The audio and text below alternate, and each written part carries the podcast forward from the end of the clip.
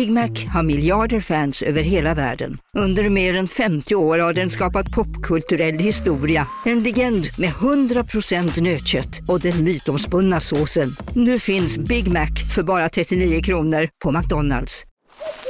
Okej hörni, gänget! Vad är vårt motto? Nej, allt är inte alltid som du tror. Nu täcker vårt nät 99,3 procent av Sveriges befolkning baserat på röstteckning och folkbokföringsadress. Ta reda på mer på 3.se eller i din 3-butik. Hej, Synoptik här. Livet med glasögon ska vara bekymmersfritt. Därför får du 30% på alla glasögon när du väljer Synoptik All Inclusive.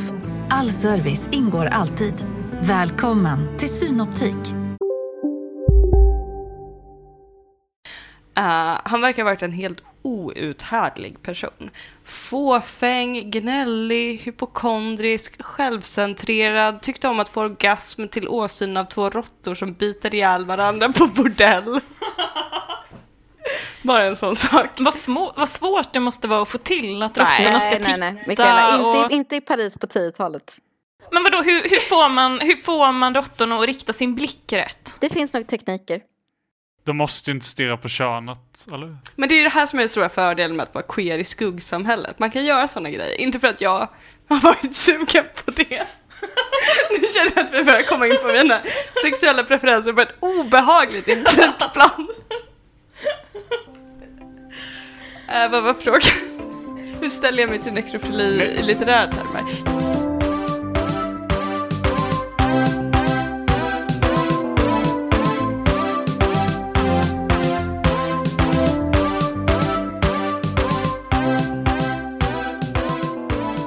Men Lyra, vad har du för exempel med dig?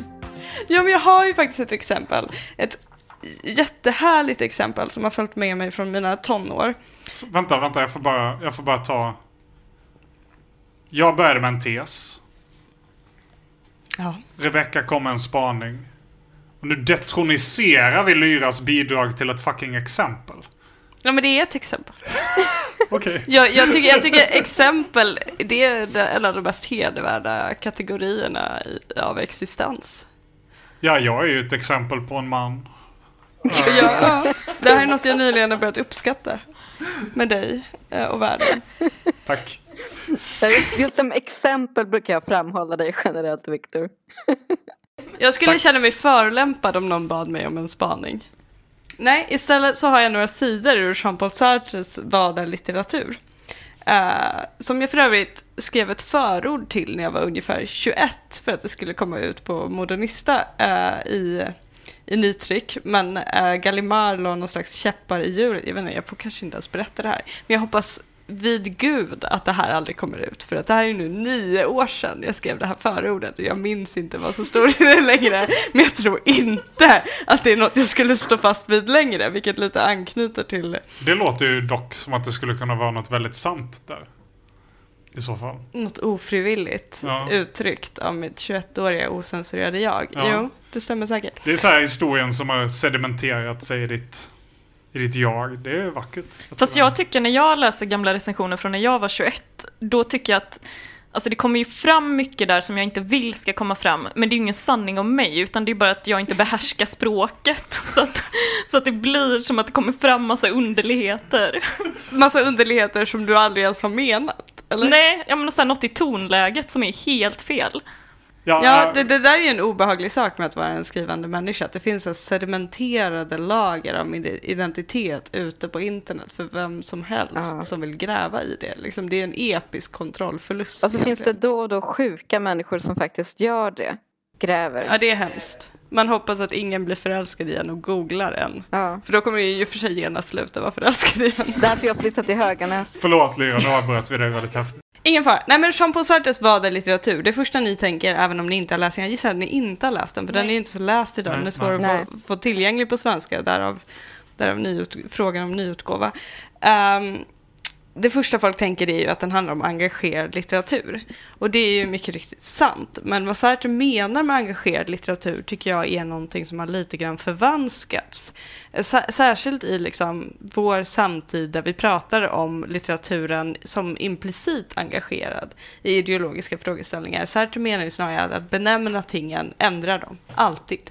Liksom. Och det är vad prosan gör, vare sig den vill det eller inte. Den liksom i någon slags heideggeriansk bemärkelse avtäcker verkligheten. Uh, men det här är några passager som jag återkommit till väldigt många gånger under de senaste åren, för jag tycker att kultursidorna har blivit mer och mer besatta i döda författare. Eh, att varje gång en stor författare går ur tiden, som nu senast med Lars Norén, så fullkomligt översvämmas eh, kultursidorna omedelbart av nekrologer. Får jag bara komma med ett jättekort försvar på det här? Ja. Eller en förklaring möjligen. Jag vet inte om det var en anklagelse. Nej, nej, men en- för ett jag, exempel. jag tänkte på det här det här året när så här David Bowie och Leonard Cohen och alla de här dog. Att gud vad mycket nekrologer det här är. Det är som att nyheterna bara handlar om döda kändisar. Men det är ju liksom för att det uppstår en ny form av kultur på 60-talet. Eh, en kändiskultur som är långt mer radikal än någon kändiskultur någonsin har varit tidigare. Det finns fler kändisar, det finns mycket fler massmedialiserade människor. Det vill säga det finns fler människor som människor har kontakt med, framförallt genom media. Och den generationen börjar dö nu. De är födda 30-40. Så du menar att när till exempel jag går ur tiden så kommer ingen liknande nekrologexplosion äga rum? Jag tror inte det. Det är en tröstande tanke ändå. Till Sartre. Jag ska faktiskt läsa några sidor här. Man måste komma ihåg att flertalet kritiker är människor som inte haft det allt för bra. Och som just hållit på att gripas av den stora desperationen. När de funnit en lugn liten reträttplats som kyrkogårdsvaktmästare. Och nej, han pratar inte om man kan åka pulka på kyrkogårdar här eller inte, utan det är en metaforisk bemärkelse, Viktor. Gud ska veta att om kyrkogårdar är fredliga så är de för den skull inte mer uppmuntrande än ett bibliotek. De döda finns där också. De har inte gjort annat än skrivit. De är för länge sedan tvagade från synden att ha levat. Och för övrigt känner man inte till deras levnad annat än genom andra böcker som andra döda skrivit om dem. Rambaud är död. Döda även Patern Bernichon och Isabelle Rambaud. Det var typ Rambauds eh, svåger och syster tror jag som skrev biografier om honom. Plågoandarna är borta. Kvar finns endast de små kistor som man radar upp på hyllor längs väggarna som urnor i ett kolumbarium. Kritiken har det dåligt. Hans fru uppskattar honom inte efter förtjänst. Hans söner är otacksamma. Månadssluten är besvärliga, men han har alltid möjlighet att gå in i sitt bibliotek, ta ner en bok från hyllan, slå upp den. Det är många segertecken här runt om i rummet. Alla sitter och nickar intensivt. Ja, men det man känner sig så sedd. Det här är sanningen.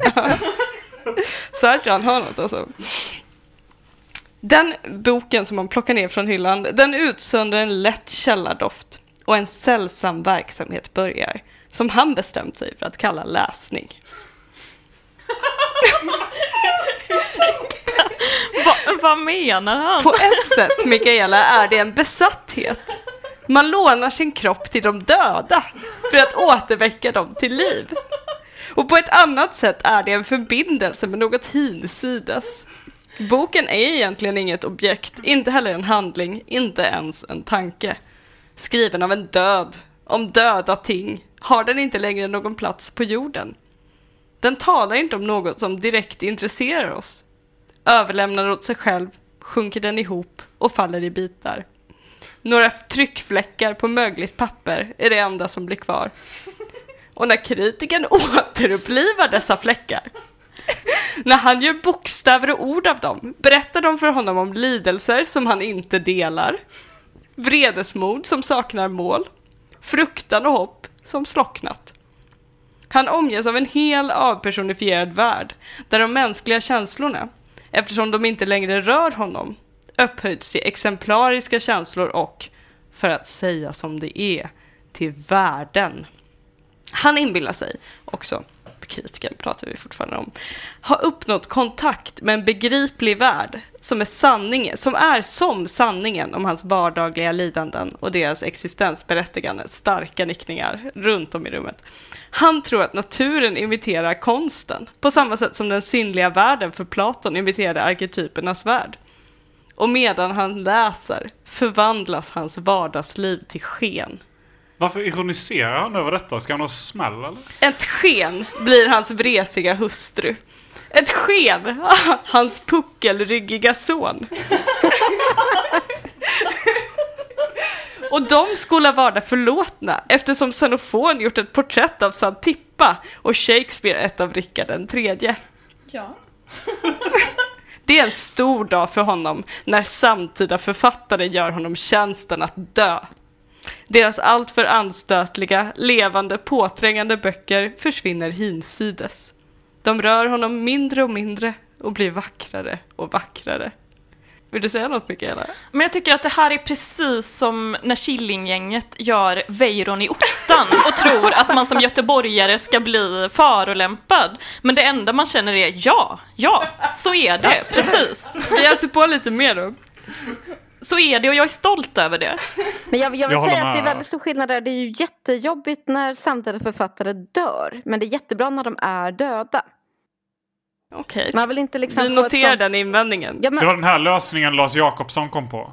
Ja, till exempel. För, för man, man vill absolut inte så... Man, alltså man, jag har klickat bort några sådana samtal när det är så här, typ, jag vet inte, någon har dött och jag förstår att jag kan råka på att skriva, på, skriva nekrolog. Det vill jag absolut inte göra. Men, men när de väl är döda så, så börjar jag känna mig liksom Norén som är en av, min, liksom en av mina favoritförfattare i livet. Jag tyckte att det varit väldigt jobbigt att han dog för jag vill liksom inte behöva yttra mig om Norén nu. Eller nu vill jag inte ens tänka på Lars Norén. Men vad skönt det kommer bli om ett år när Norén faktiskt är död på riktigt. Ja, men det här bekräftar Sartre. Han säger, efter en kort tid i skärselden kommer de att smycka begriplighetens himmel med nya värden. Bergott, Swan, Siegfried, Bella, Monsieur Test. Det är de senaste tillskotten. Nu väntar man bara på Nathanael och Menalkas. Och vad beträffar de författare som envisas med att fortsätta leva ombedes de i korthet att inte röra för mycket på sig och att framgent beflita sig om att likna de döda som de en gång skall bli. Valerie klarade det fint och utgav under 25 års tid inte annat än postuma böcker. Därför blev han också, som vissa enastående helgon, kanoniserad redan under sin livstid. Men Malraux förargar. Våra kritiker är katarer. De vill inte ha något med den verkliga världen att göra, utom att äta och dricka i den. Fint att han lägger till det ändå. Och eftersom vi alla nödvändigtvis måste leva i förbund med våra likar, har de valt att umgås med de döda. De entusiasmeras endast av förrättningar som är lagda till handlingarna. Titta på Viktor här. Av gräl som är avslutade, historier som man känner till upplösningen på. De satsar aldrig på osäkra kort. Och eftersom historien beslutat för dem, nu när de ting försvunnit som en gång förfärade eller upprörde de författare de läser, och nu när fåfängligheten i de blodiga dispyterna så avklarnat framträder på seklars avstånd, kan de hänryckas av jämnvikten mellan konstperioderna och betrakta helheten som om litteraturen inte vore något annat än en enorm tautologi och som om varje ny författare uppfunnit ett nytt sätt att tala endast för att säga ingenting. Alltså, jag... Jag tycker det här var helt underbart. Det här är förmodligen det bästa som har läst upp i podden. Och jag tycker också det är ett bevis på att det är helt okej att åka pulka på kyrkogården. Men... Uh, allt det åsido så tänker jag... Att det han säger är liksom hur mycket jag än kände precis som det Mikaela sa. Även om jag inte är göteborgare. Uh, så har han en poäng. Kolla på en författare som Jan Myrdal liksom. Uh, som verkligen liksom vars böcker, eller Sven Lindqvist, vars böcker grep in i verkligheten på ett radikalt sätt och samtidigt på ett radikalt sätt och liksom gjorde trubbel. För att de är obekväma och obehagliga, innehåller liksom ideologiska ståndpunkter som offentligheten absolut, offentligheten absolut inte kan enas kring. Men nu när han är död, Jan Myrdal. kan vi bara säga, ah, samtida bekännelser av en europeisk intellektuell ändå, banger, bra bok. Eh, att det sker något så behagligt med de döda. Att vi kan, vi kan göra dem till klassiker och... Ja, jag vill passa på att påminna här också om en text som Isabelle Ståhl skrev om det var 2015 när hon föreslog att Stig Larsson skulle vara mycket bättre om han var död. Just det, det minns Ja, jag. och Stig. Larsson svarade med att säga jag har legat döende i blodförgiftning. jag tycker det här är osmakligt. Jag tycker Stig Larsson har rätt där. Ja, där är jag också på Stig Larssons sida. Och eh, kanske moralens sida och inte moralismens. Ja, verkligen. Jag, verkligen. jag, jag är på Isabells sida för jag menar, vem har inte tänkt den tanken? Jag tycker Stig Larssons senaste text i Expressen var eh, mycket trevlig. Hade mycket roligt åt den. Jag är väldigt glad i den också. Hela, hela den här... Och det, det är också lite tecken på att så här, vi inte, vi kritiker då, inte är som gladast när författarna är döda. Utan ärligt talat, jag är som gladast när det finns en konflikt kring dem. När någon helt plötsligt vågar säga att liksom... Nej, men vi kanske inte liksom ska ligga och tillbe Sara Stridsbergs böcker. Utan vi kanske också ska läsa dem kritiskt. Det är ju vad utsagan i den texten är. Den är tillspetsad. Den är hård. Han kallar henne en Björn Ranelid, epigon och en kitschförfattare. Liksom. Det är hårt. Han menade säkert, jag vill inte förminska hans utsaga. Men vad, vad liksom innebörden av den utsagan är om man inte ville liksom att hänga med hela vägen till slutet är ju Sara Stridsberg har inte diskuterat kritiskt en enda gång på 20 år. Hon Men jag- skulle inte vara Ja, bättre som förutom av död. Mikaela. Förutom av Mikaela. Ja, det stämmer, men det var inte det jag skulle säga, utan att jag tänker att förutsättningen för att skriva så, det är att man främst kanske ser sig som en person som umgås med de döda i sin läsning. Eh, för att det är då man kan förhålla sig fritt till samtiden och se den lite på håll och kritisera den. Så du menar att förhållandet till döda kan vara mer levande än förhållandet till levande? Ja, mer intellektuellt eh, levande tror jag att det är. Annars tror jag att man hamnar i någon slags kollektiv och i någon massa. Och... Oh, kollektiv. Ja. Detta rysliga ord som ingen vill befatta sig med. Nej, men känner, Ja, inte, känner jag- inte alla så, eller liksom alla vi, att, att när man med, med de döda, det är som att komma hem och byta om till bekväma kläder. Alltså det är liksom ens egentliga. Och sen så finns det också en annan värld som man ser mycket gott i och som man förhåller sig till. Men, men det är ändå en ansträngning. Men de döda, det är ju det som är ens sanna tillvaro. Fast den ansträngningen är ju det man lever för. Eller känner du att du är mest du i mjukisbyxor? Ja, ja. Alltså jag känner nu i... Jag, just, jag skulle aldrig ha mjukisbyxor. Men jag känner ju nu när jag inte har träffat en människa på flera månader att ändå... Att, jag går mot att realisera mitt jag. Mörkt, Ja, Rebecka. jag vet. Nej men vadå, det, det är väl klart att man har sina mest sanna samtal med människor som aldrig kommer svara annat än genom raderna de redan har skrivit ner och som man kommer, kommer åter till gång efter annan. Liksom. Jag Ja. bör- börjar plötsligt känna att jag sitter här med ett gäng vansinniga människor. Men du sitter ju här med dem som Sartre beskrev. Men varför? Jag var inte beredd på att ni skulle identifiera er så hämningslöst med den här Ja, beskrivningen. absolut. Jag tycker det här var, det här var liksom... Det här var inte ett självporträtt i något slags konvex spegel utan det här var bokstavligen den Konkav snygg-selfien man får på Instagram. Men varför föredrar ni de döda? Ja men eh, en enkel anledning till att man föredrar de döda är att de döda författarskapen är färdiga. Det vill säga man kan vara med i hela, det finns en helhet liksom som man dels... Det man bryr sig riktigt mycket om. Om jag tar några som jag bryr mig mycket om liksom Edith Södergran, Willy Kyrklund, Gunnar Ekelöf, Karl Wennberg. Så är det liksom helheten man är med om. Och man ser en person liksom gå från att vara 20-30 till att bli döende och gammal. Och man själv reser med det för att man läser om de här böckerna. Man läser Mästaren Mar kanske första gången när man är 21. Och sen läser man om den tre år senare och tre år senare och tre år senare. Samtidigt läser man de andra böckerna. Och den relationen till någonting som överhuvudtaget inte har med en prestation att göra som ganska mycket av här, kritiken i offentligheten har. Liksom, att man ska utvärdera någonting som kommer nu och sen ska man utvärdera någonting som kommer nästa vecka och veckan därpå.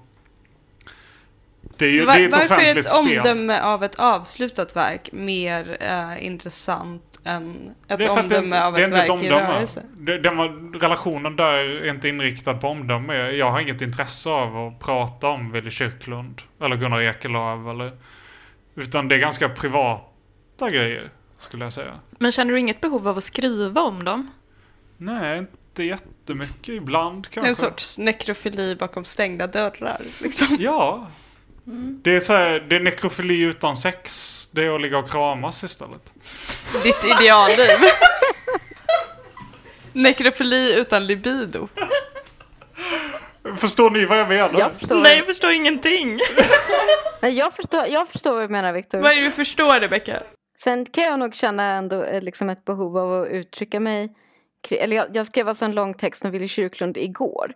Eh, så jag kan nog känna ett, långt, ett ett stort behov av att uttrycka mig. Men, men det är ändå någonting som är eh, nej men just det här att det inte är underkastat aktualitetskrav tycker jag är väldigt befriande och att det finns liksom ett tempo i den relationen som är det är lite mer som relationen till ens föräldrar eller någonting. Alltså det, det är inte villkorslös kan jag inte säga. Det är ju ingen relation som är det. Men det är ändå någonting som är där. Och liksom tempot eh, justerar sig självt. Och det finns ingen liksom mall för hur det ska se ut. Men om det är en författare som lever så vet man att ja, snart kommer en ny bok och så liksom inväntar man den och så justerar man sin bild av författarskapet utifrån den och så vidare. Och det, det är ju lite jobbigt på något sätt. Alltså, som det, som det är med levande människor. Att de ställer krav och de förändras och sånt. Och jag menar... Jag, Det är det som är så underbart.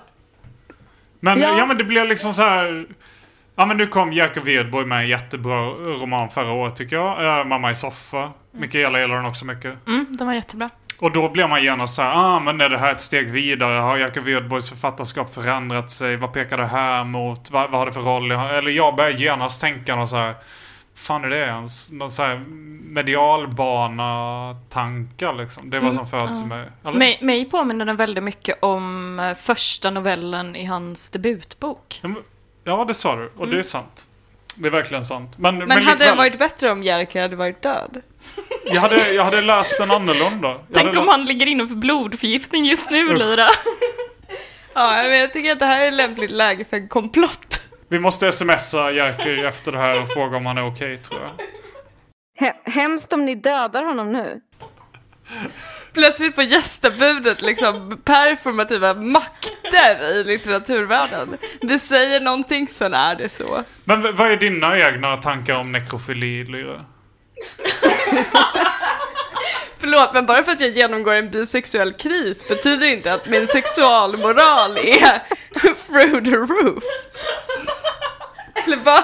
Kan du specificera frågan, Victor? Jag tyckte det var en sån helt vanlig icebreaker-fråga. Lite kampkrav. Ja, alltså jag menar inte att du är luff eller suff eller något sånt. Jag är mer intresserad. Det är väl de är ju för att man ska legalisera nekrofili. Nu har vi Eh, druckit lite vin här. Men vadå? Va- va- Du är ju en levande författare. Stämmer. Men vad, Skyldig. vad tänker du om de döda? Nej men jag tänker, verk och personfrågan blir ju ganska intressant i relation till det. Alltså, jag, jag, jag har aldrig förstått den tendensen att idolisera döda författare som personer. Om man tar Proust till exempel, som ändå är den författare som jag kanske har ägnat störst del av min livstid. Eh, han verkar ha varit en helt outhärdlig person. Fåfäng, gnällig, hypokondrisk, självcentrerad, tyckte om att få orgasm till åsyn av två råttor som biter ihjäl varandra på bordell. Bara en sån sak. Vad, små, vad svårt det måste vara att få till att råttorna ska Nej, titta. nej, nej. Mikaela, och... inte, inte i Paris på 10-talet. Men vadå, hur, hur, får man, hur får man råttorna att rikta sin blick rätt? Det finns nog tekniker.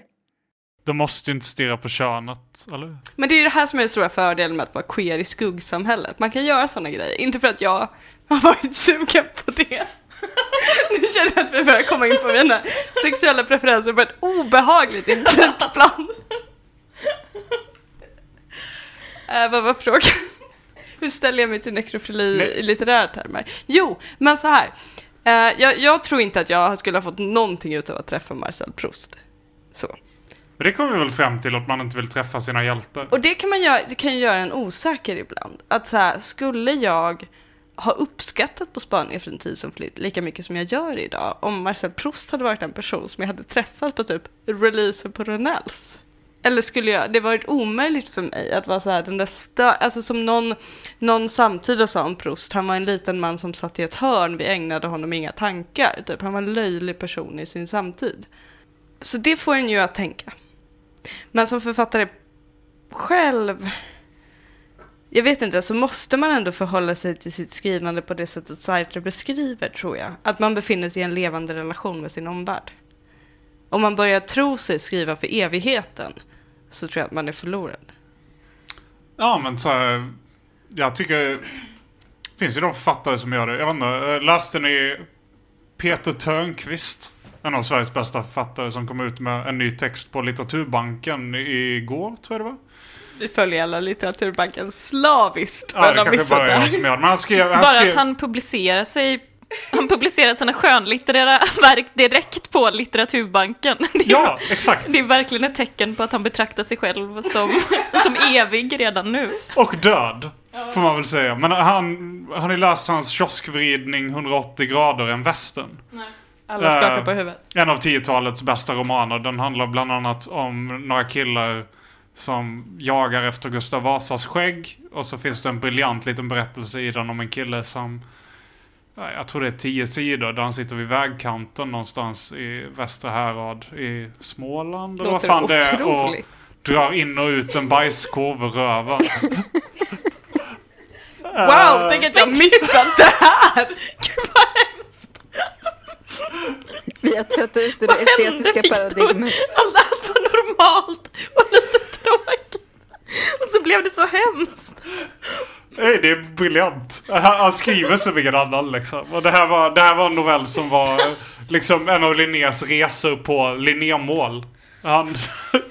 Mikaela är lite kränkt just nu av den här historien. Men och jag tänker, det finns fler män så jag tänker faller in i det här levande döda grejen. Uh, ja, men du älskar också Per Odenstens glossarium från förra året. Han befinner sig väl också inte precis exakt i den kategorin. Inte på det sätt som Peter Törnqvist som publicerar sig på Litteraturbanken eller Claes Jakobsson som gör en stor performativ grej av sin egen död när han ändå är levande. Men, men den, den grejen tycker jag man ser mer och mer. Att, att författare som beter sig som om de vore döda. Lotta Lotas har ju också gjort det. Liksom lämnar sitt förlag, ger ut böcker på ett eget förlag trots att hon sitter i Svenska Akademin och förmodligen kan Eller sälja en tack vare kanske. Tack Men vare. alltså det vad- vad finns, ju, tänker ni det finns ju inget sånt som är ur evighetens synvinkel. Den illusionen är ju absurd när det kommer till litteratur. Alltså om man tar ett verk som Katarina Frostensons F eller K, eller vad de nu heter, alla de där bokstäverna. eh, så kommer ju de alltid, tror jag, läsas i relation till sitt litteraturhistoriska sammanhang. Även om bilden av det litteraturhistoriska sammanhanget naturligtvis kommer förändras med historien. Liksom på samma sätt som en roman som Juna Barnes, Nattens skogar, Nightwood, idag liksom läses som ett queer-politiskt modernistiskt mästerverk på ett helt annat sätt än den lästes i sin samtid. Att så här, alla verk kommer ju skifta karaktär med historien. Liksom. Ja men det är det som är evigheten. Men jag tänker att mitt exempel handlar om samtiden kontra evigheten kan man säga. Bra. Eh, och jag tänkte då tala lite om två noveller av uh, Jorge Luis Borges. Eh, och... eh, för jag kan känna, när jag funderade lite på det här ämnet, litteraturens död, så tänkte jag att... Och när jag läste i Anders Johanssons bok så tänkte jag att jo, men det kanske är sant, men bryr jag mig? Ehm, Klassisk Mikaela approach. Ja, men vem ska hindra mig från att läsa? Det kommer ju aldrig någon göra. Eh, och jag tror att för mig så är läsning något mycket privat. Och jag tycker även att skrivande bör vara något mycket privat. Ehm, om böcker skulle sluta komma ut, vore det så hemskt? Nej, det vore inte så hemskt, tycker jag. Ehm, sen så försökte jag fundera vidare på det, hur långt jag kunde sträcka mig om det på något sätt bestämdes att jag bara fick läsa böcker som jag redan hade läst. Eh, och alltså att jag inte fick läsa, läsa gamla böcker som jag inte hade läst innan. Hade jag tyckt att det var så hemskt? Nej, det hade jag nog inte heller tyckt var så Var hemskt. kommer den här modulationen av det här tankeexperimentet ifrån? Vem skulle begränsa dig till att bara läsa böcker som du redan hade läst? Men det är sånt jag tänker när jag står och gör mig i ordning på morgonen. Då vandrar tanken iväg. Ett helt annat sätt att vara Ehm. fåfäng på än vad de flesta människor har. Ja. jag. Jag tycker att det var ett bra tankeexperiment. Ja, men då tänkte jag läsa den här, det är en sen Borges-novell eh, som heter En trött mans utopi. Eh, och... eh, Oj, vilket ivrigt nickande från Rebecca och Victor. Ja, Ni bara, story of my life. Vi har bara läst Och, den eh, nyligen tror jag. Den, här, den är med den här som senaste Tranan-volymen. Ja, det, jag har också läst den nyligen. Det är därför jag nickar engagerat. precis. Eh, och Borges skriver även själv om den här novellen att det är den sannaste och mest melankoliska novellen i hela samlingen. Och den börjar med att det är en man som är ute och går och så hamnar han i en, han i en trakt där han inte känner igen sig. Eh, och då visar det sig ganska snart att han har hamnat tusen år, tror jag det är, i framtiden. Och där blir han inbjuden eh, av en väldigt lång man till den här långa mannens hus. Eh, och Mitt hus. ditt hus.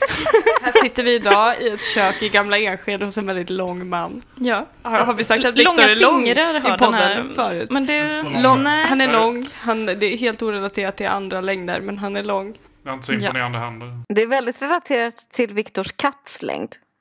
Stora män gillar stora grejer. Det är bara så det är.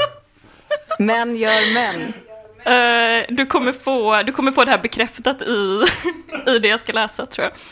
Eh, den säkra tonen i hans röst kändes lugnande. Jag tyckte det var lämpligt att, jag pres- att presentera mig.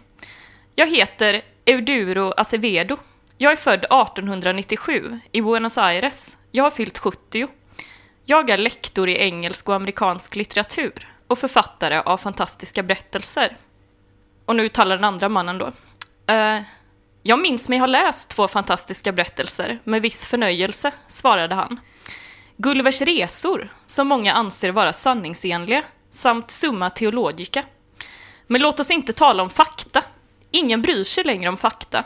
De kan på, det kan på sin höjd vara utgångspunkter för tanken och fantasiförmågan. I skolan lär vi oss att tvivla och konsten att glömma. Framförallt glömma det personliga och det lokala. Vi lever i tiden som är fortlöpande, men vi försöker att leva ur evighetens synvinkel. Av det förflutna återstår oss några namn som språket tenderar att tappa bort. Vi undviker onödiga precisioner. Det finns varken kronologi eller historia. Inte heller statistik. Du sade att du hette, att du hette Eduro. Jag kan inte säga dig vad jag heter, för jag kallas bara någon. Och din far, vad hette han? Han hade inget namn. På en av väggarna såg jag en bokhylla. Jag öppnade en volym på måfå. Bokstäverna var glesa, oläsliga och handskrivna. Deras kantiga linjer påminde mig om runskrift, som ju emellertid bara blev använd till inskriptioner. Jag tänkte att framtidens människor inte bara var längre till växten, utan också flinkare i händerna. Instinktivt såg jag på mannens långa, smala fingrar. Han sade nu ska du få se något som du aldrig har sett förr. Han räckte mig försiktigt ett exemplar av Thomas Moores Utopia, tryckt i Basel 1518.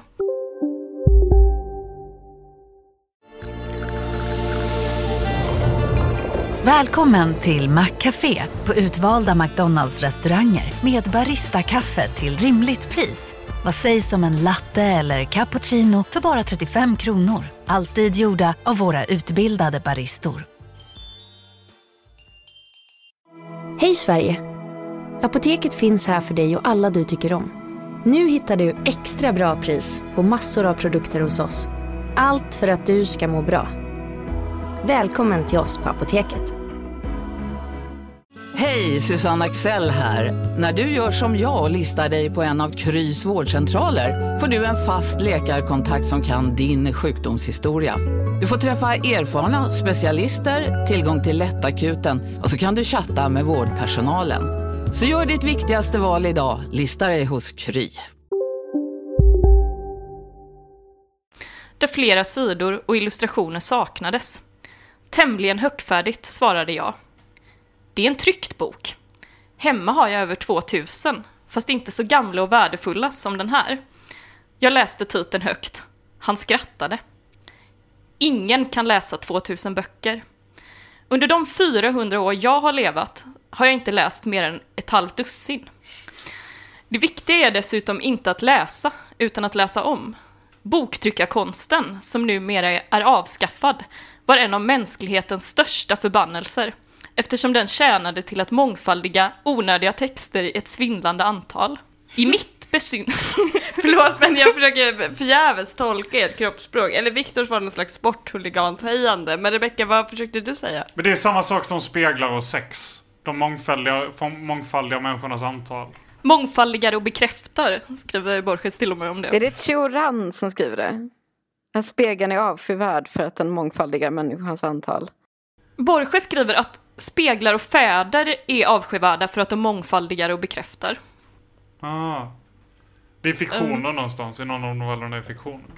Ja, Klanukba kanske det är till och med. Ja, På vilket sätt mångfaldigar fäder? För att det blir... barn. Ja. Jag har så mycket att lära om heterosexualiteten fortfarande. Vi får ta någon sån kropp och knopp sen tror jag. Vi tar det efter podden. Det. Tack, Jo. tack, det uppskattas. Eh, jag ska läsa lite till bara. Eh, I mitt besynliga förflutna, sade jag, var det en förhärskande vidskepelse att det varje dag mellan morgon och kväll händer saker som det är en skam att inte känna till. Jordklotet var befolkat av kollektiva vålnader, Kanada, Brasilien, Schweiziska Kongo och gemensamma marknaden. Det var nästan ingen som kände till vad som hade föregått dessa platonska entiteter, medan man däremot kände till de obetydligaste detaljer från den senaste lärarkongressen, faran för att diplomatiska förbindelser skulle avbrytas, eller presidenternas uttalanden, formulerade av hans sekreterares sekreterare i de försiktiga svävande ordalag som var kännetecknande för genren. Allt detta lästes för att glömmas, och efter bara några få timmar raderades det ut av andra lika triviala, lika triviala ting. Som eh, R-talet på den sydafrikanska mutationen av coronaviruset ungefär. Ja, det är sånt. Jag vill, jag vill inte höra talas om det. Man vill inte veta. Vad, vad ska man med sån information till? Nej, jag vet inte. Jag tänker inte försvara, försvara det. Jag, alltså det här, det här är ju... Jag, jag skulle inte beskriva mig som en trött man utan en uh, högst pigg, duktig pojke. Eh, men jag håller ju med om det utopiska i historien. Äntligen fick vi in duktig pojke. Men nej, En fantastiskt. duktig pojke som föredrar de döda. Men det här kan ju inte du gilla, Lea. Alltså jag måste erkänna att jag är lite för full för att kunna fokusera vid det här laget. För jag ska Gästa argumentera emot mig själv nu genast också. Ehm, för att då finns det en annan Borges-novell eh, som heter Markus evangeliet. Säger Mikaela och pekar på mig. Ja, för det knyter an till din tanke innan om den här väldigt konkreta läsningen av eh, evangeliet. Oj, oj, nu kom en jätteliten hund in i köket. Oj, men typ en blöja. Va?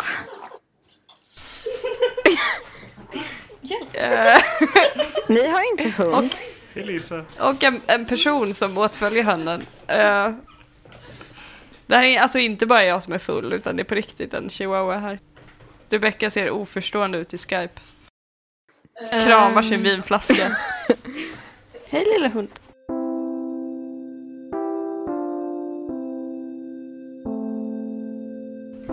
Ja, Mikaela, Marcus evangeliet. Ja, precis. Och det här är en tidigare Borges-novell som är med i Borges 2. Eh, och som jag tänker man kan använda som argument för varför läsning trots allt är viktigt.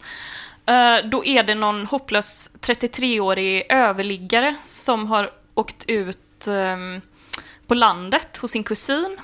Eh, för att han aldrig kan säga nej till något, han vill inte vara där egentligen. Och kusinen vill då åka in till stan för att köpa nya kostymer. Och han vill ju inte träffa sin kusin egentligen, så att han åker inte med tillbaka. Utan han stannar ensam ute på landet med eh, eh, arbetarna som består av en man och den här mannens två barn. Eh, och så blir det en översvämning så att de blir instängda tillsammans. Eh, och eh, tvingas tillbringa massa tid tillsammans. Eh, och eh, de, de här, den här mannen och hans två barn, de är rödhåriga, eh, skottar, tror jag. Eh, skottar som har blandats upp med indianblod. Eh, Och Mikaela, vad säger vi? Ursprungsbefolkning. Nej men jag, jag använder ju Borges språk. Eh, Pampas indianer skriver han. Här försöker, kämpar jag mot, mot vinden och att försöka PK-fiera den här podden. Men ingen som har lyssnat så här långt i det här avsnittet kan ju tillhöra PK-maffian visserligen. Nej, då har man nog stängt av för länge sedan tror jag. Men Pampas ursprungsamerikaner kan vi säga. Ja, Jag, jag säger indian. Eh, som, som, vi, som vi gör i Göteborg, Frölunda Indians och så vidare. Ehm, Det är du och Aron Flam, Mikaela. ja. Eh, jo. Eh, men då är det då, jag kan läsa lite om den här familjen. Uh, när han utforskade huset som fortfarande var omgivet av vatten påträffade han en engelskspråkig bibel. På de sidorna hade familjen Guthrie, som alltså är den här skotska familjen, uh, det var deras riktiga namn, antecknat sin släkthistoria. De härstammade från Iverness, hade i början av 1800-talet anlänt till denna kontinent, utan tvivel arbetat som daglönare och blivit uppblandade med indianer. Krönikan... Vi lägger in ett blip där när vi klipper. Men gud. Eh, krönikan upphörde någon gång på 1870-talet då de inte längre kunde skriva. Efter några få generationer hade de glömt engelskan. Spanskan beredde dem stora svårigheter när Espinosa lärde känna dem. Någon religion hade de inte, men i deras blod kvarlevde som mörka spår kalvinisternas hårda fanatism och pampas-indianernas vidskepelser.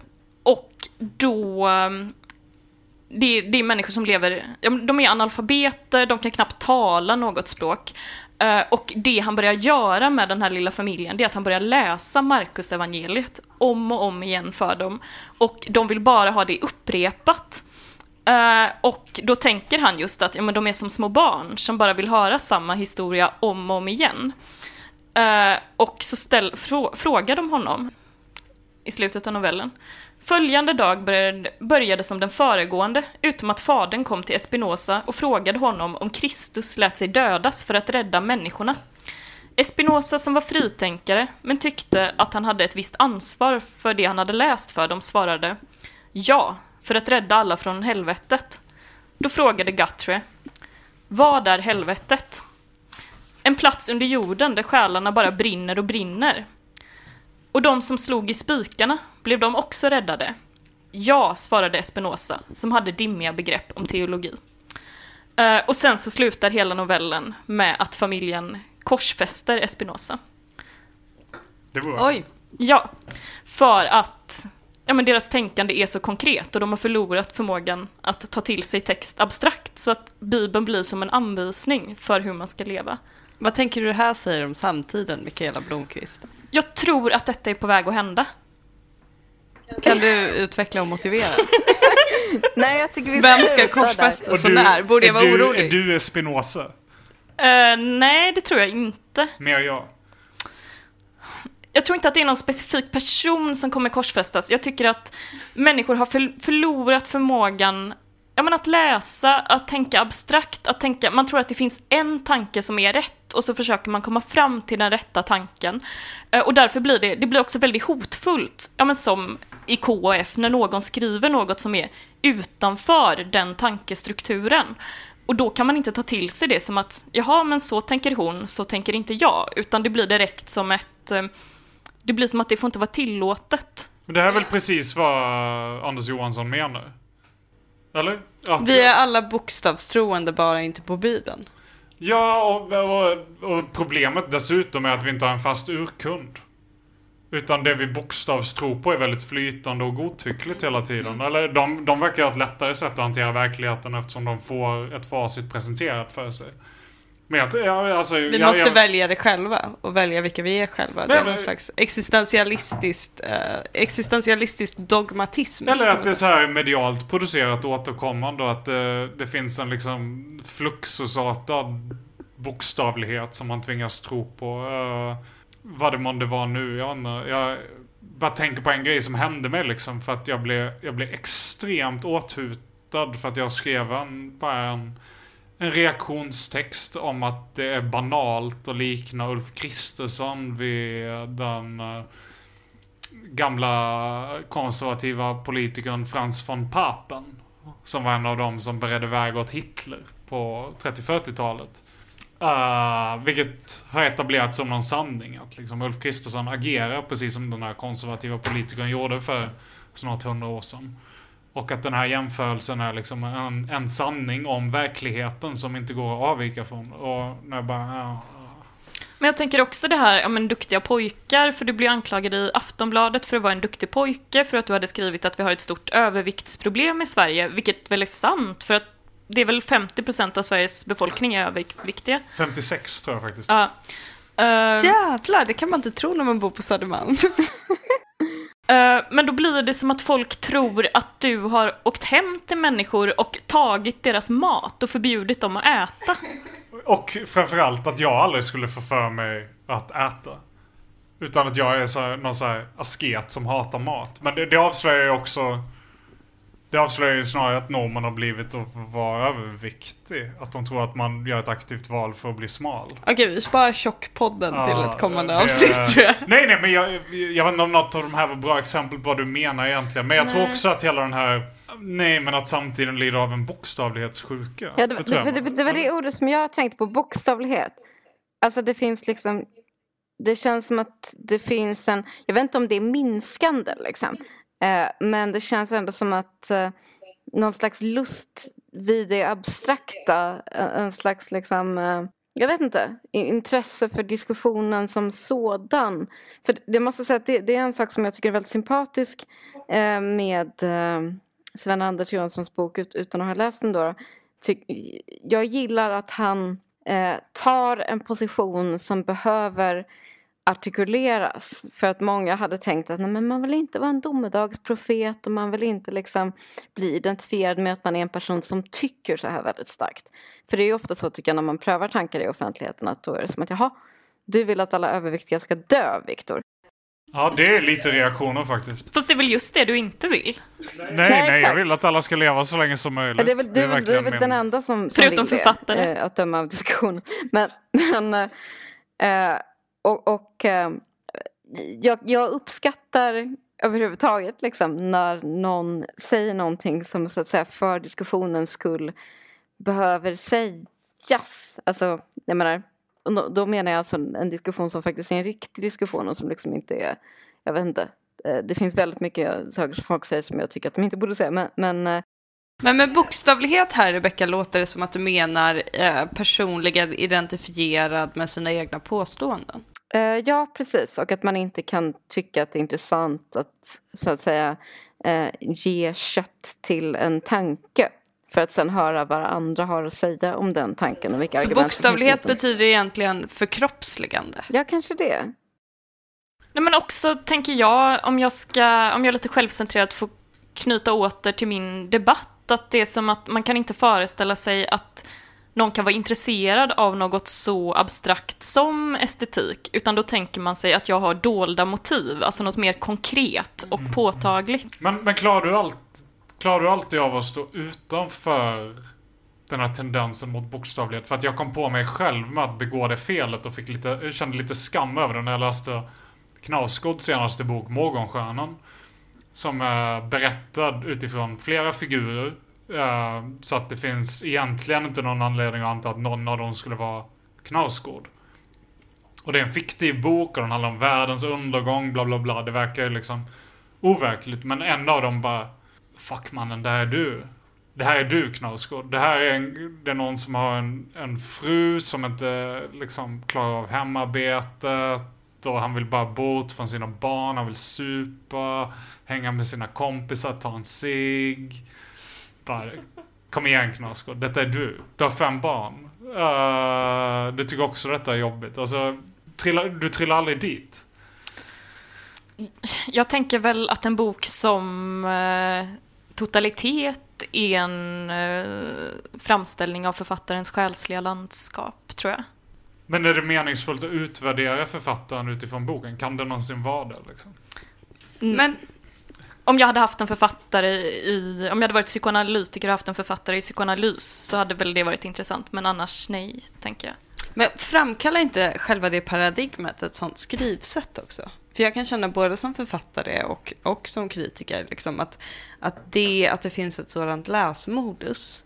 Att det man läses kommer att uppfattas som ett, eh, motiverat av sina egna agendor, eller vad man nu ska kalla det, liksom, är någonting som man liksom ofrånkomligen måste förhålla sig till i skrivandet. Därav liksom mitt modus i blödningen med att dela upp så fiktionsdelen och essädelen och ändå så här, jag känner att jag måste behandla spänningsförhållandet mellan upplevd verklighet och fiktion. För att det är inte något som går att förhålla sig neutralt till idag. Det, Det- finns ingen sån. Det är det jag liksom. menar med Daniel Dencik. Alltså att eh, det, den överenskommelsen om vad fiktion är och vad fiktion har för betydelse sett till eh, den så kallade romankonsten, det har förändrats väldigt mycket. Och det påverkar sättet man läser men det påverkar också sättet man skriver tror jag jättemycket. För jag menar du fick väl ändå, du var lite frågande inför delar av receptionen av din senaste bok, eller hur? Men delar av receptionen var så här, varför skriver hon fiktion överhuvudtaget? För jag tänker att det du gör väldigt fint i blödningen, det är ju just att du har hittat en bild som är blödning, som är tillämpbar på ett antal olika saker. Uh, jag tänker, det är ju ja, men blödning mellan, mellan kön, mellan fakta och fiktion, och ja, men också ja, men menstruationsblödning är ju med, och mellan ja, men rollspel och verklighet. Någon slags och- subjektivitetens gränsöverskridande Ja. i allmänhet. ja. Eh, och eh, det tänker jag egentligen är motsatsen till det här konkreta, väldigt bokstavliga. Att, Ja, men det är ju ett aktivt förhållande till det, så att säga. Alltså det är en medveten... Nu har jag ju kanske inte lyckats jättebra med tanke på vad, vad den samtida receptionen av romanen har varit, liksom, men ändå en känsla av att här, jag som författare måste aktivt, formmedvetet, någonstans förhålla mig till att läsningen kommer att utgå ifrån ett autenticitetssökande, eller ett autenticitetsbegär. Så om jag vill försöka göra någonting annat litterärt så måste jag liksom på ett explicit sätt laborera med det i själva formen för min framställning. Men det är just det som ja, men till exempel Handke och eh, Solstad har börjat göra på senare år. Ja. Eh, Att det, ja, men Solstad skriver, för han har skrivit tre romaner om en person som heter Björn Hansen. Och eh, den första kom 91 kanske. Och den senaste kom 2019. Och i den som är från 2019 så skriver han helt plötsligt men på ett nytt sätt i inledningen att jag återvänder till min romanfigur Björn Hansen. Men här tror jag, om jag får säga någonting apropå litteraturens stöd, att vår tids stora form och innehållsmässiga paradigmskifte finns som också har potential att levandegöra litteraturen. Alltså att utforska själva fiktionsbegreppet, för det befinner sig i kris.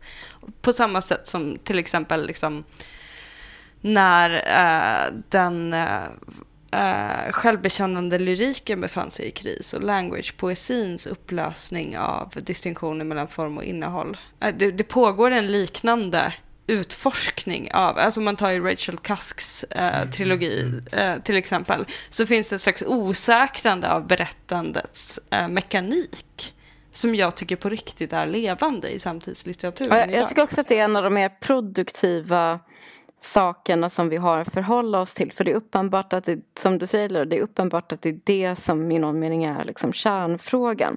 Och vill man hålla på med något annat, vilket väldigt många bra författare vill, så, så måste man på något sätt förhålla sig till att det blir eh, då måste man liksom parera och se till att det inte ska bli kitsch. Typ. För det, det, det finns ändå någonting, alltså att vägra ta i den frågan liksom kan resultera i att man, man retirerar till eh, opera, tror jag. Liksom. Ja men kanske väldigt många bra författare är döda. Och att jag känner mig genuint inspirerad. Menar du levande människor som är döda inombords eller menar du att nej, nej, att, litteraturhistorien är bättre? eh, att eh, som Stig Larsson skriver någon, eh, någonstans att när man läser dem känner man hur meningarna glittrar och snirklar. Men när man stänger igen boken märker man att det är ett lik man har legat med. Absolut. Ja, relate. Uh, nej, nej, jag blir genuint glad av det du sa Leo. Jag har, aldrig, jag, jag har inte tänkt den här tanken, men jag tror att det är sant. Och att, att, Jag har ju befunnit mig i kris i det. Vad är det som gör att jag känner att så här, någon slags autofiktivt metakritiskt förhållningssätt präglar mitt eget skrivande? Jo, men det är för att det är det enda som får det kännas levande i men, samtiden men, men idag. det är meta-autofiktionen kanske? Ja, verkligen. Där- där verkligen. liksom- där- Den självmedvetna autofiktionen. att där fortfarande ligger någonting i framkant. För att jag har inte varit superengagerad i just Rachel Cusk kanske. Men jag har väl ändå känt att någonting darrar där på ett sätt. Att någonting kommer Mm. i fråga på ett sätt som jag inte eh, har sett tidigare. Och, och då, då, då, för att vara generös mot Anders Johansson. Så betyder det ju ändå att så här. Använd den gamla funktionen av litteratur som en, som en skandalös, från livet radikalt oberoende anomali. Mm. Det är inte längre vad som gäller. Den litteraturdefinitionen Mm. kanske inte duger längre, utan det är ett lik vi ligger med ibland, vi kritiker. Vi tar ner det från hyllan och... Nej, jag ska inte fortsätta den här metaforen, förlåt. Uh, Jo, men go on. Har man liken på hyllan undrar jag? uh, Jag har. men, men, Urnorna. urnorna. nu- ligger med urnorna. Nu, nu händer något annat det. där författarkroppen liksom är en nödvändig del av det. Jag tycker att Stig Larsson är kanske en av de första som gör det här, till exempel Nattade mina. Är det inte? Att den på ett metanivå ändå förhåller sig till det, till det skrivna livet. Man är lite osäker på vad som är sant och vad som är falskt. Och... Men jag tror författare har gjort det mycket, mycket länge och att det... det är Ja, snarare på en- spaning efter en tid som flytt till Ja. exempel. Ja men vår blickmått idag blir också annorlunda. Vi tenderar att lyfta Ja, fram just de exempel som har föregått oss. Det är lättare att hitta på exempel som inte har gjort det om vi ska vara helt ärliga. Eller? Det är lättare att dra fram tusen exempel som inte är Prost än att dra fram Prost. Eller? Men jag tycker Eller? inte det. Jag tycker inte det. Jag tänker om man lä- ja, men det, det jag tycker om att läsa, om man läser Robert Musil eller Frans Kafka. Det är ju tydliga element från deras biografi på olika sätt som trädde fram i deras verk. Eller Så säger inte det någonting om att det som, är, lit- det som är litterärt värde för oss idag på något sätt utmanar idén om vad en berätt, autentisk berättelse om livet är? Men jag brydde sig någon om huruvida Josefin och musfolket hade någonting med lilla, lilla Frasse att göra? Jag tror inte det. Eller? Jag förstår inte den här referensen överhuvudtaget. Det är Frans Kafkas bästa novell. Josefin och musfolket. Okej. Nej, det är det inte. Jo, va? Va? Gillar du inte det? Tyvärr ignorerad för lite så här eh, mer mediokra verk som En svältkonstnär till exempel. I straffkolonin. Ja, nej, men ingenting mot Josefin och musfolket. Josefin och musfolket är en jävla banger. Läs den. Njut. Jag tror Roberto Bolaño har skrivit en vidare diktning på den, om jag minns rätt. Aha. Det ska jag fan spana in. Uh, nej, nej, men jag tror så här. När vi kollar tillbaka i historien för att säga att det vi ser, det vi verkar ana som något nytt nu kommer ju helt klart vara kodat av att vi har lärt oss uppfatta något nytt. Eller ana någonting nytt och få oss att leta efter just det nya bakåt i tiden. Eller det är samma sak som att man valde att kalla Homeros litteratur en gång. Det verkade påminna om det vi valde att definiera som litteratur. Förlåt Rebecka, säger man Homeros eller Homeros? Homeros. Homeros lärde jag mig när jag pluggade grekiska. Ja, nej, Homeros säger alla. Jag all, Homeros har jag aldrig hört. Det låter mer härligt homo, men Ja, ja, ja, du har läst mycket mer grekiska än jag så jag tänker inte opponera mig. Men eh, jag har läst kvällskurs en termin. Ja, Hörrni, har men vi några, Accenten, eh, accenten ligger på ordet, men man säger inte det. Så att jag har rätt men jag har fel. Ja, precis. har vi några slutliga ord om litteraturens död? Jag, jag skulle vilja göra en liten kort eh, ja eller nej-enkät. Är litteraturen döende eller inte, Viktor Mann? Litter- litteraturen Ja som modern... eller nej-enkät? Ja, litteraturen som modern institution är döende. Mikaela Blomqvist, är litteraturen döende? Eh, litteraturen är inte döende. Vi har eh, Peter Handke i livet, vi har Peter Nadas i livet, vi har Fredrike Mayröcker i livet. Eh, Wow, jag ni är verkligen kategoriskt inkapabla att svara ja eller nej 70. på en enkel fråga. Rebecka Kärde från Höganäs, Sveriges hjärta. Är litteraturen döende? Ja eller nej? Pass. Och vad säger Lyra? Nej. Men men du är ju författare Lyra, du kan ju inte säga att litteraturen är död. Det vore ju... Nej. Men, men det var en författare som jag... Dödsögonblicket är för sig en intressant period att befinna sig i. Ja, för, för, för jag avsluta Många föreställer med... sig att meningen med allting summeras i dödsögonblicket, något jag för övrigt inte tror på. Men om litteraturen skulle vara döende och jag skulle vara kapabel att författa dess sista ord, Vad det skulle skulle- ändå vara tungt. Ja. Världens sista roman av. Utan A, E, Ö, Å, Ä. Sluta spoila min kommande roman! Den, innehåller, den eh, innehåller inga vokaler som finns i Daniel Sjölins namn. Ja men det är ju ett objektivt märke för kvalitetslitteratur överhuvudtaget. Jag, jag tycker Daniel har fått alldeles för mycket hån för det här. För att som han själv sa i sin podd, Två män i en podd, så... Otroligt poddnamn, vi borde byta namn till det också. Men som han sa där så skriver han bättre än nästan alla andra även om man inte använder A. Eh, Men han skriver inte bättre än nästan alla andra, det gör han faktiskt inte. Peter Närdars, Peter Ja, precis. andra Peter. ah, okej, eh, övriga i Sverige. Men jag ska läsa ett citat av Lars Eier, en, en Blanchot-forskare. Som ändå fick in mig på de här tankarna. En Blanchot-forskare handlar den här att podden så här, det spelar inte så stor roll att litteraturen är slut. För att li om litteraturen är slut så kommer litteraturen handla om att litteraturen är slut i ganska stor utsträckning. Han drar upp typ så här Bolaño och Enrique Villas Matas och sådana. Men jag tycker det är ganska kul citat. För att, inte minst för att det kommer in på de här nekrofili-associationerna som vi har lekt med Nekrofili är alltid kul. Nekrofili är kul. Det är kanske den enda så här juridiskt tar- tabubelagda parafilin som faktiskt är rolig. Jag minns också boken, eh, jag minns boken eh, Nekrofilen av eh, Gabriel Wittkop som väldigt romantiskt. väldigt bra bok Ja, en väldigt vacker kärleksbok minns jag att jag tyckte när jag var 18 i och för sig. Men Men, det går så här. eh, han har också skrivit en hyfsat bra bok som heter Wittgenstein Jr. Men den här essän heter Naked in your bathtub. Eller hot tub. Jag kommer inte ihåg. Kommer dra det på engelska för att jag tänker inte simultanöversätta det. Literature is a corpse, and cold at that. Intuitively, we know this to be the case. We sense, suspect, fear, and acknowledge it. The dream has faded, our faith and awe have fled. Our belief in literature has collapsed. Sometime in the 1960s, the great river of culture, the literary tradition, the canon of lofty works began to braid and break into a myriad of distributaries. Ah! Turning sluggish on the plains of the cultural delta. In a culture without verticality, literature survives as a reference primer on the reality of effect, or as a minor degree in the newly privatized university. Ursäkta min engelska, men jag tycker fortfarande att det här är sant, även om det fortfarande skrivs massa bra grejer. Att vad vi egentligen klagar över när vi säger att litteraturen är slut, är ju att den inte längre spelar någon roll.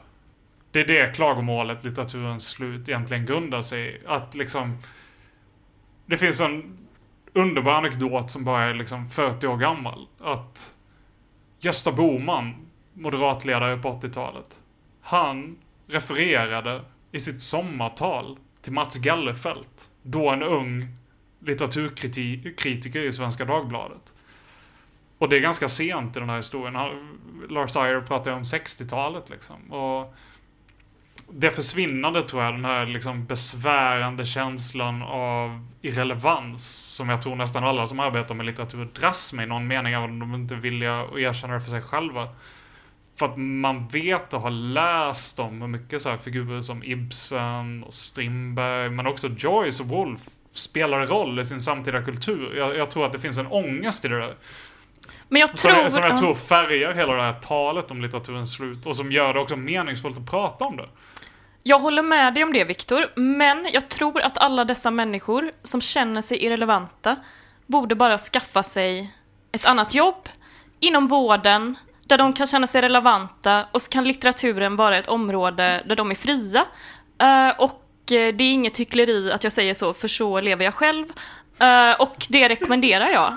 Ta ett arbete inom sjukvården, där kan ni vara relevanta. Sen kan litteraturen, det kan vara ett område, område för något annat. Kommer- Odödliga slutord Jag tycker det av var Mikaela jättebra Blomqvist. sagt Mikaela. Jag, jag håller inte alls med. Men eh, jag vill också bli citerad av Ulf Kristersson. Men eh, Vi vet alla att det är din högsta dröm i livet, Victor. Vad tycker du Ulf Kristersson om nekrofili? nej, men han kan Det är en öppen mig... fråga som vi i gästabudet vill, vill skicka ut i samtidspolitiken. Nej men han är också en duktig pojke. Han gillar inte pizza, han äter bara minisemlor. Springer mycket. Vi får återkomma till Ulf Kristersson i manlighetsavsnittet. Det känns som ett fruktbart eh, subtopic. Det får vi göra. Och min teaser tills dess är att jag bara vill deklarera att det verkligen inte är manligt att posera i jägarmundering. Nej. Det är bara inte det. Fast när tjejer gör det är det ganska sexigt. Kanske. Men... eh, Men framhäver de inte bara sin kvinnlighet när de gör det? Jag tror att jag kommer klippa bort det här. Rebecka, har du några sista ord? Innan du dör på litteraturens gravhög. Innan jag dör på litteraturens gravhög så vill jag säga att Willy Kyrklund säger att skönlitteratur är konsten att tala om någonting genom att tala om någonting annat. och det är vad vi har gjort.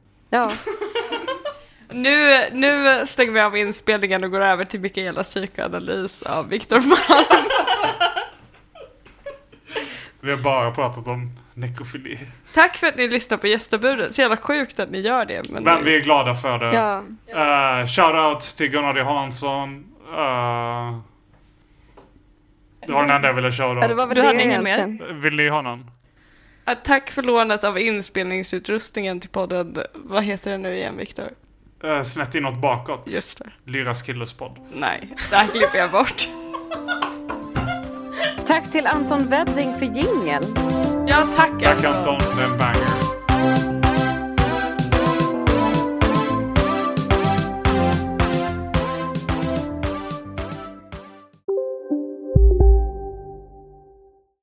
En nyhet. Nu kan du teckna livförsäkring hos Trygg-Hansa. Den ger dina nära ersättning som kan användas på det sätt som hjälper bäst. En försäkring för dig och till de som älskar dig. Läs mer och teckna på trygghansa.se.